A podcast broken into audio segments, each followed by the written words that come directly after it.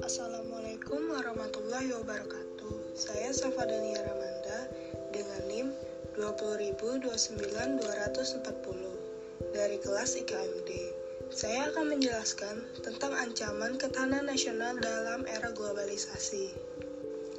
Kehidupan bangsa Indonesia di era globalisasi ditandai oleh era perdagangan bebas, di mana produk dari suatu negara dengan bebas dapat masuk dan diperjualbelikan di negara lain Kenyataan itu tentu menimbulkan tantangan bagi semua negara untuk mampu bersaing dalam meningkatkan kualitas produk industrinya. Bangsa Indonesia juga tidak terlepas dari tantangan itu.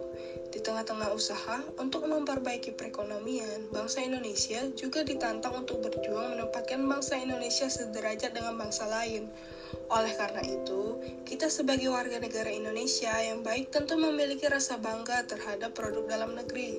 Kita harus sadar dan bangga bahwa produksi dalam negeri tidak kalah dengan produksi luar negeri. Di era globalisasi ini, persaingan begitu ketat dan tajam pada semua aspek kehidupan. Dalam kondisi seperti itu, maka hanya orang, masyarakat bangsa, dan negara yang memiliki kualitas sajalah yang berpeluang memenangkan persaingan tersebut. Dan kunci untuk mencapai itu adalah sumber daya manusia yang berkualitas dan didukung oleh teguhnya pendirian, loyal pada bangsa dan negara, terikat pada tekad, cinta pada tugas, dan semua itu dilakukan sebagai wujud cinta pada tanah air. Upaya pemerintah menghadapi era globalisasi dan perkembangan iptek. Dalam menghadapi globalisasi dan perkembangan iptek, pemerintah menetapkan beberapa kebijakan seperti GBHN. Dampak globalisasi terhadap kehidupan bangsa Indonesia dari aspek ideologi, Pancasila yang merupakan way of life bangsa Indonesia saat ini menghadapi tantangan serius, Bukan saja orang enggan berbicara tentang Pancasila, tetapi justru nilai-nilai yang terkandung di dalamnya nyaris tidak lagi diayati dan diamalkan. Mungkin hal ini adalah akibat dan sikap traumatis dari pengalaman masa lalu, atau dapat pula karena terlahir generasi baru yang telah menganggap bahwa Pancasila sudah tidak bermakna lagi. Distorsi, pemahaman dan implementasi yang terjadi saat ini dapat kita amati fenomenanya antara lain Terjadinya kemerosotan, moral, watak, mental, dan perilaku atau etika hidup bermasyarakat dan berbangsa terutama pada generasi muda. Gaya hidup yang hedonistik, materialistik, konsumtif, dan cenderung melahirkan sifat ketamakan atau keserakahan, serta mengarah pada sifat dan sikap individualistik. Timbulnya gejala politik yang berorientasikan kepada kekuatan, kekuasaan, dan kekerasan sehingga hukum sulit ditegakkan. Persepsi yang dangkal, wawasan yang sempit, beda pendapat, dan berujung ke bermusuhan, anti terhadap kritik, serta sulit untuk menerima perubahan dan pada akhirnya cenderung anarkis. Birokrasi pemerintah terlihat semakin arogan berlebihan, cenderung KKN dan Sukar menempatkan diri sebagai pelayanan masyarakat.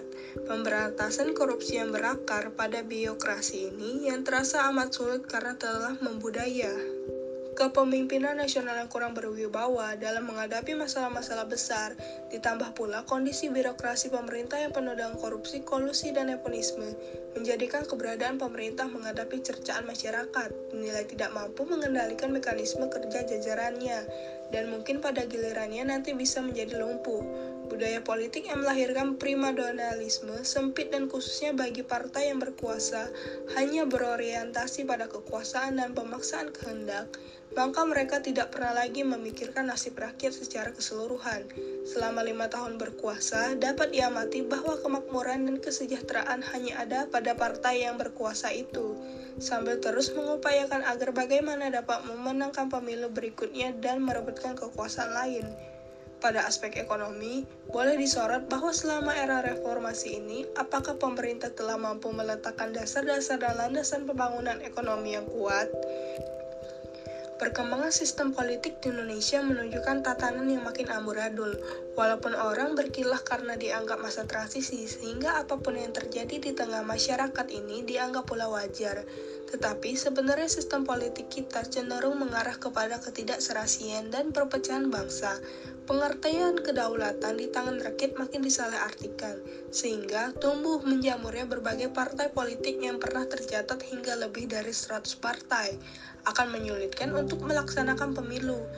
Dengan masih dirasakannya terjadi fluktuasi moneter, tidak adanya tambahan investasi, kecilnya minat asing untuk menanamkan modal di Indonesia dan belum bangkitnya sektor real, akan semakin mempersempit peluang kerja, meluasnya gejala PHK, tidak tertampungnya angkatan kerja baru dan lengkap sudah kemiskinan, pengangguran, dan kebodohan menimpa rakyat kita.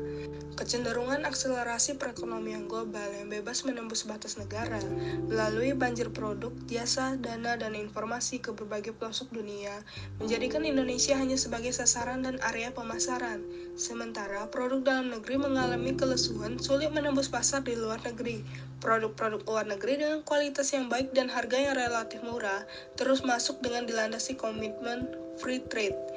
Kondisi ekonomi yang melanda Indonesia saat ini juga disebabkan oleh iklim politik, menegakkan hukum, dan keamanan yang tidak menunjang. Stabilitas nasional selalu terganggu, keamanan usaha tidak terlindungi akibatnya produktivitas anjlok.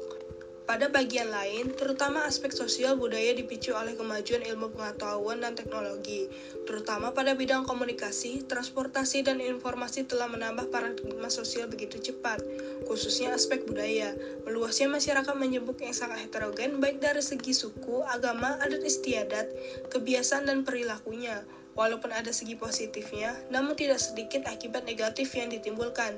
Kecenderungan pelanggaran hak asasi manusia, sulitnya orang mencari keadilan, kriminalitas yang berkadar tinggi, serta keberingasan sosial yang sering kali sulit dikendalikan semua itu menunjukkan bahwa kita belum mampu mengendalikan perubahan tersebut. Perubahan sosial berikutnya bahwa pluralitas tidak terfokus hanya pada aspek sara, tetapi di masa yang akan datang, kemajemukan itu ditandai dengan adanya sinergi dari peran, fungsi, dan profesionalisme individu atau kelompok, sehingga kontribusi profesi individu atau kelompok itulah yang akan mendapat tempat di mana mereka berprestasi. Pembangunan pendidikan di semua starta atau level belum menghasilkan lulusan yang optimal, baik dari segi penguasaan ilmu dan keterampilan maupun budi pekerti mereka. Polemik yang berkembang sekarang adalah soal anggaran pembangunan pendidikan yang terlalu kecil, minimnya sarana prasana, dan degradasi kualitas tenaga pengajar, belum lagi perubahan kurikulum dan tentang kesejahteraan guru atau dosen.